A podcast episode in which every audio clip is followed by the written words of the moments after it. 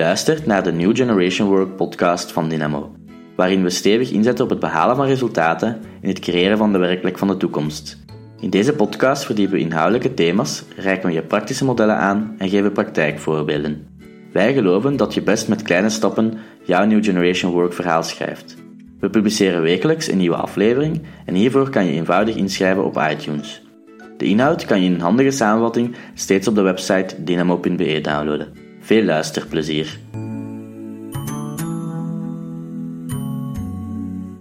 Dag beste luisteraar en welkom bij een nieuwe aflevering van de resultaatspodcast New Generation Work. Ik ben Kenny en ik zit hier vandaag met Wim. Dag Wim. Ja, dag Kenny. Wim, we gaan het vandaag hebben over win-win onderhandelen. Of win-win onderhandelen, zoals soms ook wel eens gezegd wordt. Hè. Um, onderhandelen is iets wat je heel vaak moet doen binnen het werk. Ik denk aan mijn job als functioneel consultant. Ik moet onderhandelen met klanten, maar ook met collega's intern en, en met leveranciers en met developers. Dus het komt op je job heel vaak voor. Maar ook wanneer ik een huis ga, ga huren, of met mijn vriendin of met mijn familie. Het is een heel breed thema. Ja. En ik vroeg mezelf af: bestaat er een universele manier waarop je het best onderhandelt? Oké, dat is een, uh, een brede vraag. Dat is een vraag er middenin en, en uh, een terechte vraag en een resultaatsgerichte vraag voor zo'n podcast als Resultcast. Um, je kunt verschillende manieren kijken, maar degene die ik genomen heb, uh, de kijk, is de kijk van Harvard. Er bestaat een Harvard Negotiation project, waar dat die jongens, die hoef ik ook niet voor te stellen, Harvard, waar dat zij op zoek gegaan zijn naar een, een, een goede manier van onderhandelen, gebaseerd ook op wetenschappelijk onderzoek. En ik ben uh, ja, ik denk een 15 jaar geleden in het onderwerp mij verdiept toen ik een, gevraagd werd door Swift. Het Swift internationaal bedrijf, in, een Belgisch bedrijf waar we trots op mogen zijn, waar langs de meeste banktransacties gaan. En um, de bedoeling was van een opleiding te ontwerpen voor zowel de Verenigde Staten als, als voor België. En daar was het dan ook wel leuk dat de herkenbaarheid voor de Amerikanen er ook wel in zat. Wat is in de Harvard Negotiation Project de belangrijkste dingen? Dat zijn eigenlijk vier principes die eruit komen. Er bestaat een, een boek over um, Getting to Yes, een heel eenvoudig uh, toegankelijk boek geschreven, niet uh, met wetenschappelijke taal, maar eigenlijk heel herkenbaar. En dat is zelfs in het Nederlands vertaald en dat noemt dan misschien de iets minder uitdagende naam gewoon Excellent onderhandelen. Ja. En dat is van Roger Fisher en William Ury. Um, nu, de vier principes die zij daarin hanteren, is het eerste principe is uh, mensen. Ze zeggen van kijk, het principe moet zijn dat de goede onderhandelaar uh, eigenlijk een onderscheid maakt tussen de mensen waarmee hij onderhandelt en tussen de problemen waarover hij onderhandelt. Goede onderhandelaars laten zich niet verleiden om hun uh, aanpak aan te passen naar gelang wie voor hun zit. Daarmee bedoel ik vooral diegenen waar ze minder graag mee onderhandelen of die ze niet leuk vinden, dat speelt eigenlijk niet mee in de onderhandeling. Je moet, niet inbeelden, je moet je inbeelden, dat klinkt heel makkelijk om te zeggen, maar het is in het echt heel, heel moeilijk. We hebben voorkeuren en afkeuren voor bepaalde mensen en stijlen en communicatiemanier. De goede onderhandelaar weet daar eigenlijk neutraal mee om te gaan. Dat is het eerste principe. Tweede principe is het principe van um, wat zij noemen interesse. Um, je focust niet op uh, een onderhandelingspositie, maar je zoekt naar wat is de gemeenschappelijke interesse die tussen, want bij onderhandelen zit je altijd met twee partijen, dat kan in de eenvoudige vorm zijn jijzelf en jouw vriendin, maar dat is in een bredere context kan dat zijn jouw bedrijf waar je voor werkt en de klant, het bedrijf van de klant. Dus dat zijn dan meerdere partijen. Maar de focus is vaak gaan wij naar een onderhandeling toe en hebben we op een of andere manier beslist, dit is wat we willen. Soms hebben we dat bewust beslist, maar vaak, denk ik in de meeste gevallen, hebben we dat niet op voorhand beslist, maar beslissen we dat eigenlijk als het ware ter plaatse. En dan ga je, als je dan merkt in het gesprek dat je niet gaat krijgen wat je hebt, dan gaan mensen bijvoorbeeld halstarrig toch trachten te gaan verdedigen wat ze eigenlijk dachten dat ze moeten hebben. En daarmee kom je in een soort van polarisatie. Of ik zou het ook zeggen, het zoek onderhandelen. Uh, daarmee bedoel ik, zoals je dat in een, uh, misschien in een zoek op een reis in, in uh, Turkije of, of, of een, een Noord-Afrikaans land al wel eens gehad hebt, waar je gaat onderhandelen over de prijs. Hè? En dan is het gewoon geweten van, oké, dat is de prijs, dus je moet er eigenlijk naar beneden gaan, de helft gaan, en zo kom je dan in het midden. Maar dat is een hele ouderwetse of een hele omslachtige manier van te gaan onderhandelen. Dat is een, een positionele onderhandeling ook. En een manier om die polarisatie dan tegen te gaan is door op zoek te gaan naar de gemeenschappelijkheid tussen beide partijen. Ja, ja. dus wat, waarover zijn we het al eens en wat verbindt ons gemeenschappelijk? Of wat zijn de dingen die we vinden waar we eigenlijk uh, alle twee beter van worden? Um, ik ga hier het voorbeeld nemen van uh, het ruilen. Um, het ruilen van dingen die jij voor jou goedkoop zijn, maar die ik waardevol vind, en ik aan jou ook iets te geven wat jij belangrijk vindt, maar dat voor mij minder als kost is, dat is eigenlijk de manier waarop dat je tot een gemeenschappelijke interesse kunt komen. Ja. Ja? Een gemeenschappelijke interesse kan ook zijn dat je Ehm, en dan neem ik misschien het voorbeeld van, een heel eenvoudig voorbeeld van uh, een deur. Een deur staat open en de ene persoon wil die deur dicht omdat het tocht. En de andere persoon wil dat die deur open zij, want die heeft het uh, te warm.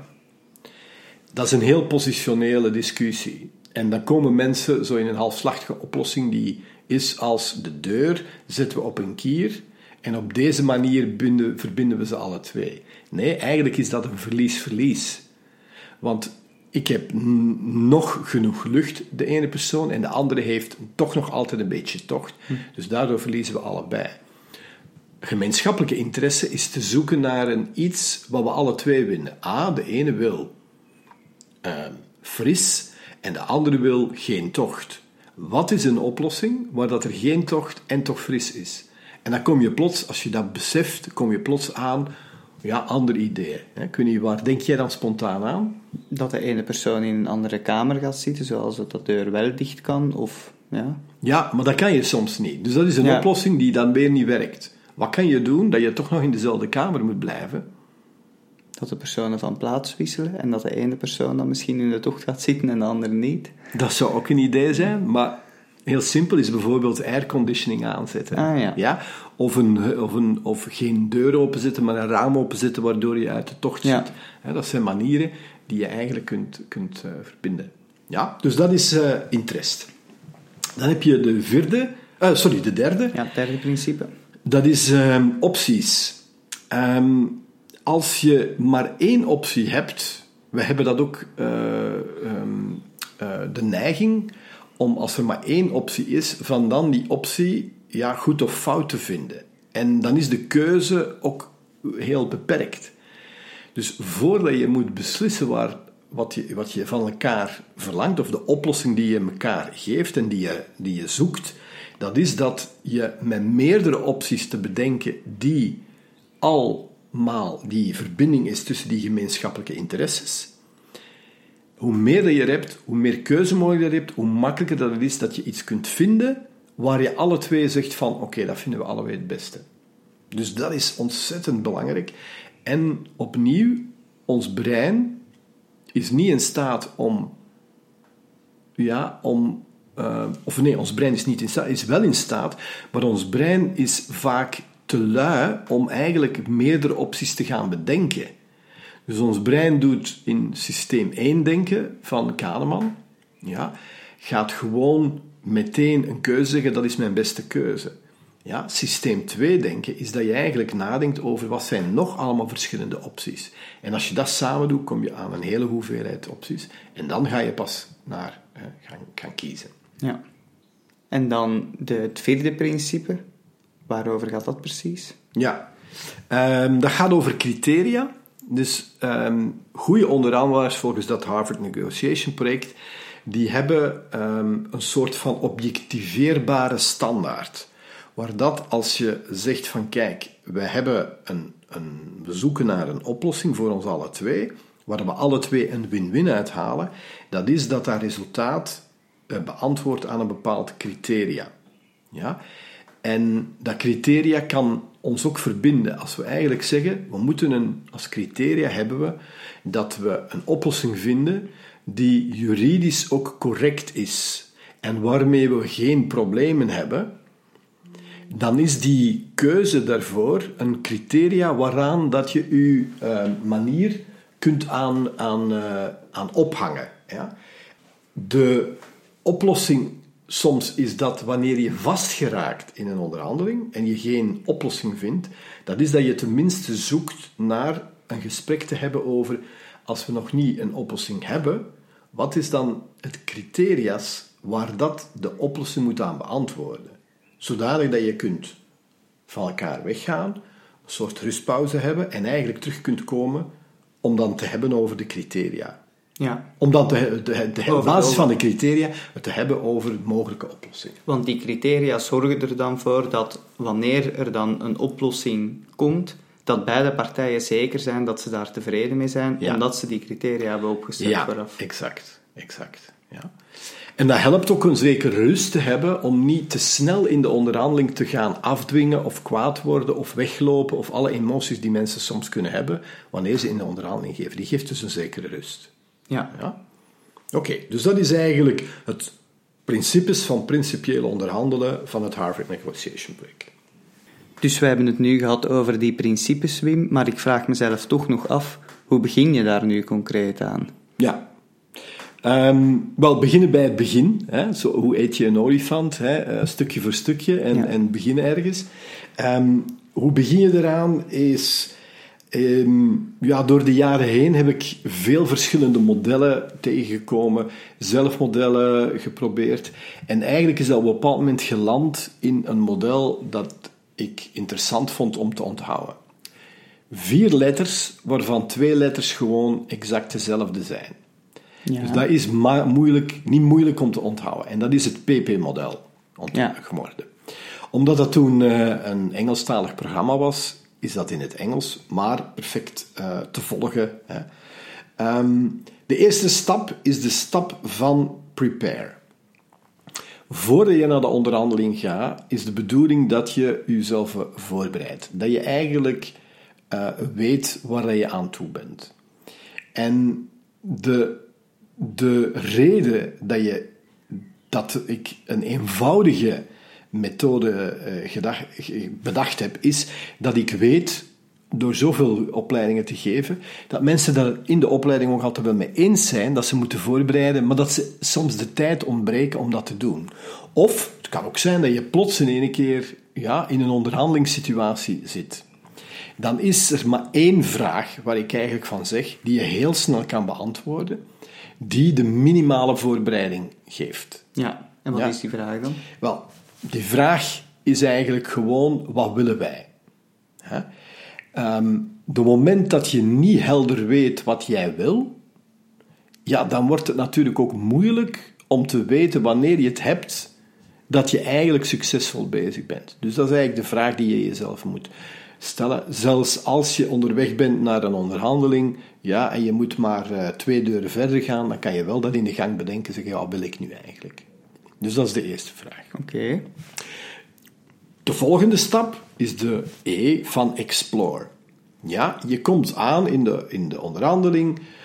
Je hebt natuurlijk het, het idee dat je elkaar kennis maakt en zo verder. En dat je, hè, als je elkaar niet kent, daar gaat het even niet over. Explore is die manier waarop dat je gaat exploreren wat een andere vraag is die je wilde beantwoord zien. Ja. En als je al weet wat jij wil, wat zou de eerste vraag zijn die bij jou opkomt?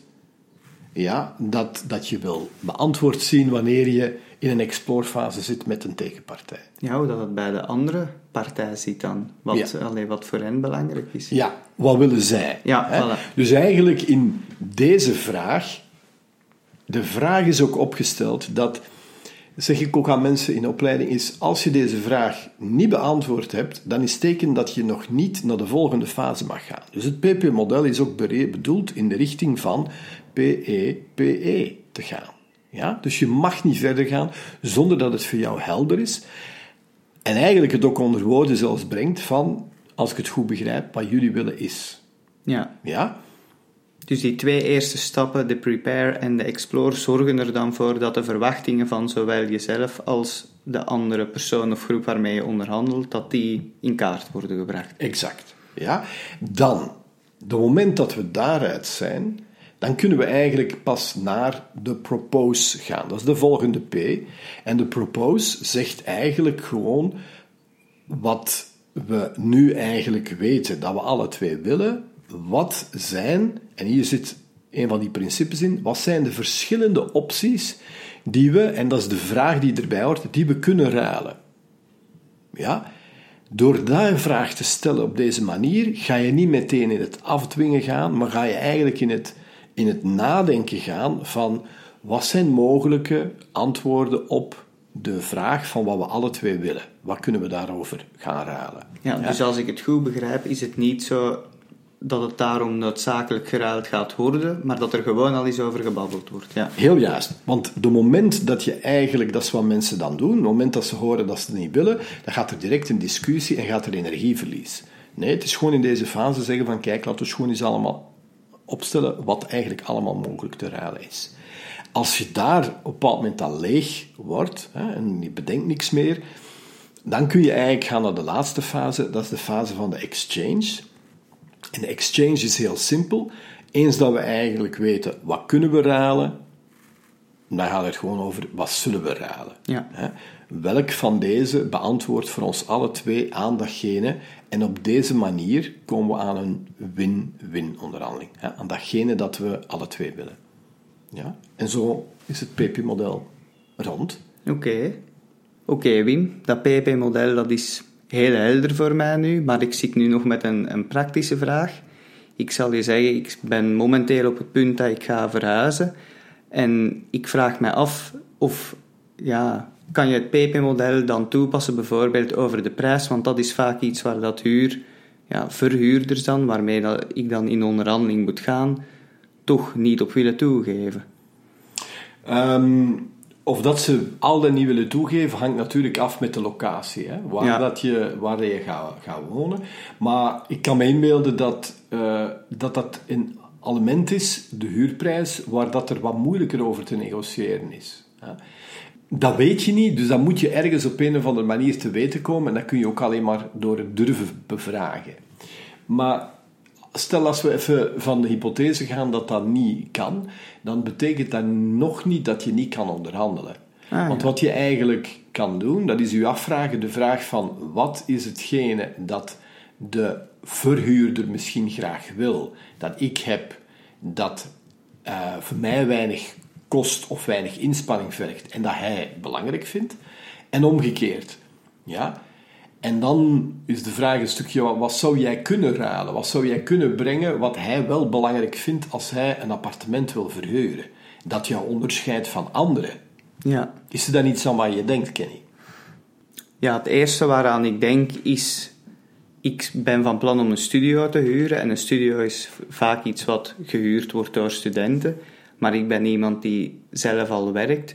Dus ik, ja, dat heeft toch een bepaalde waarde voor de verhuurder, zou ik dan denken. Hij is, Welke waarde? hij is zekerder van zijn, van zijn huurinkomsten, want ik heb een vast loon. En hij is ook zekerder dat ik iemand ben die niet veel nachtlawaai met zich zal nemen. nachtelijke feestjes, Ja, ja. hopelijk. En, ehm, en, en die dat ook goed voor het appartement ja, zal Ja. zorgen. Ja, maar en op welke manier zou je daar iets kunnen voor terugkrijgen? Dus als je dat nu zou onder woorden brengen, wat verwacht je zelf dat hij daarvoor in de plaats? Wat zou je er in de plaats voor willen vragen? Ja, zo, we, gaan dan nu van het voorbeeld uit dat, het, dat de huurprijs dat daar niet veel aan, Te ja, is, aan ja. ja, voilà. Dus wat dat misschien wel dan een mogelijkheid is, is het voorschot dat in het contract staat of, of iets dergelijks. ja. Dat, dat, dat ik daar dan misschien ook in zachte Ja, pols en niet alleen op die maandelijke prijs. Ja, want dat voorschot, vaak wordt het aantal maanden, Mhm. eh, een aantal maanden huur genomen. Stel dat je bijvoorbeeld vier maanden huur moet als waarborg storten, dat is dat je eigenlijk dat in de plaats vraagt. Ja. Wat ook soms helpt in dat soort situaties, want vaak gaat het over, over beslissingen die snel moeten gebeuren. Eh, als jij dat niet neemt, dan zal waarschijnlijk door wat langer te wachten er iemand anders zijn die dat dan kan nemen, als de markt groot genoeg is. Dat is dat je op een of andere manier de beslissing wilt versnellen. En dat jij iets te bieden hebt. Dus dat je bijvoorbeeld eigenlijk kunt zeggen, kijk, als je de, als je de huurwaarborg in de plaats van vier maanden naar drie maanden brengt, dan ben ik bereid van het contract nu meteen te ondertekenen en dan hoeven we ook niet daar nog eens een keer voor af te spreken. Ja, Ja, zo'n verhuurder vindt het misschien vervelend van over en het weer te rijden, die komt misschien van god weet waar. Dat kan dus eigenlijk weer opnieuw iets zijn wat voor hem een opbrengst is. ja, Die niet in geld eigenlijk is, maar die gewoon in tijd is. Huh? Zie je dat? Ja, dat is eigenlijk een, een manier.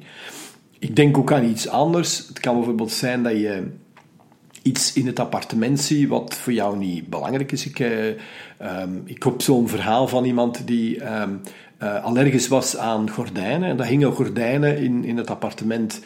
Eh, het was een meu- bemeubeld appartement, maar die, niet zo, ja, die ook niet, niet zo fris niet meer waren. En toen heeft hij eigenlijk die vraag gesteld van kijk, als ik deze gordijnen ja, vervang door blindjes, ben je dan bereid van die kosten ervan te betalen? Ik zal ze hangen.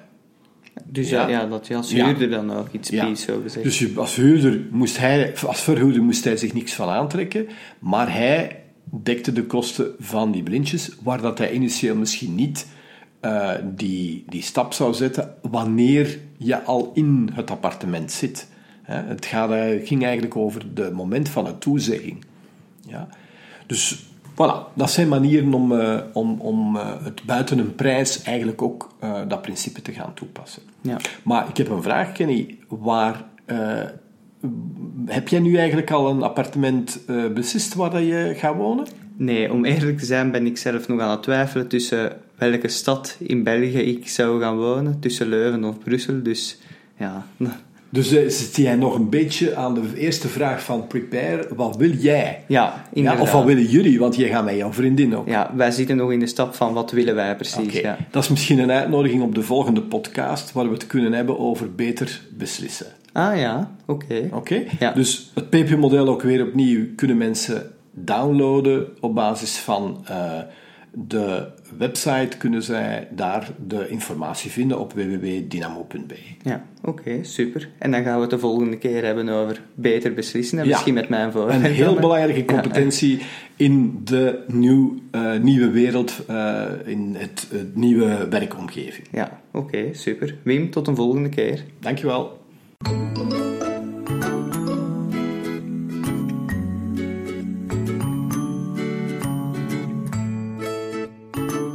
Deze podcast wordt mogelijk gemaakt door Dynamo.be, partner voor training, coaching en organisatieontwikkeling.